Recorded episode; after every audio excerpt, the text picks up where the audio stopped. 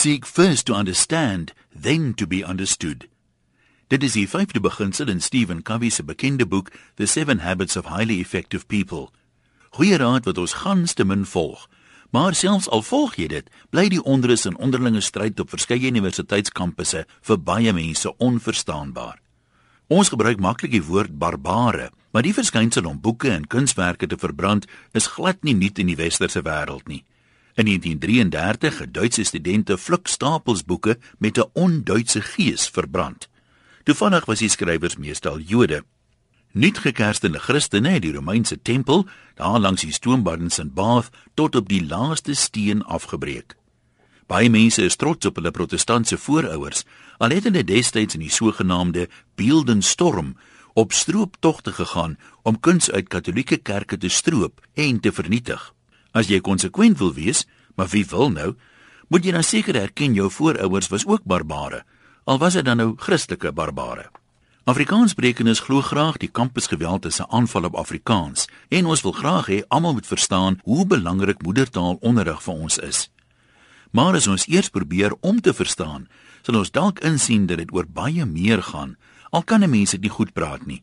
As een van die talle amptelike tale wat aan geen universiteit gedoseer word nie, jou moedertaal is, is die kans sekerlik beter dat jy dit as onregverdig sal beskou dat die taal van die voormalige onderdrukkers 'n hoër status as joune moet geniet. En ken jy van groepsdruk? Alle mense doen in groepe dinge wat hulle nooit alleen sal doen nie. Maar dit alles daar gelaat. Kom ons kyk na die praktiese aspek van vraag en aanbod.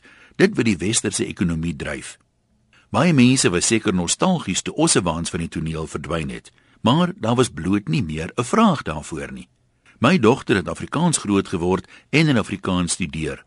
Sy werk vir 'n nasionale maatskappy met heelwat Afrikaanse mense in die topbestuur, maar sonder uitsondering is al hulle vergaderings, voorleggings en korrespondensie in Engels.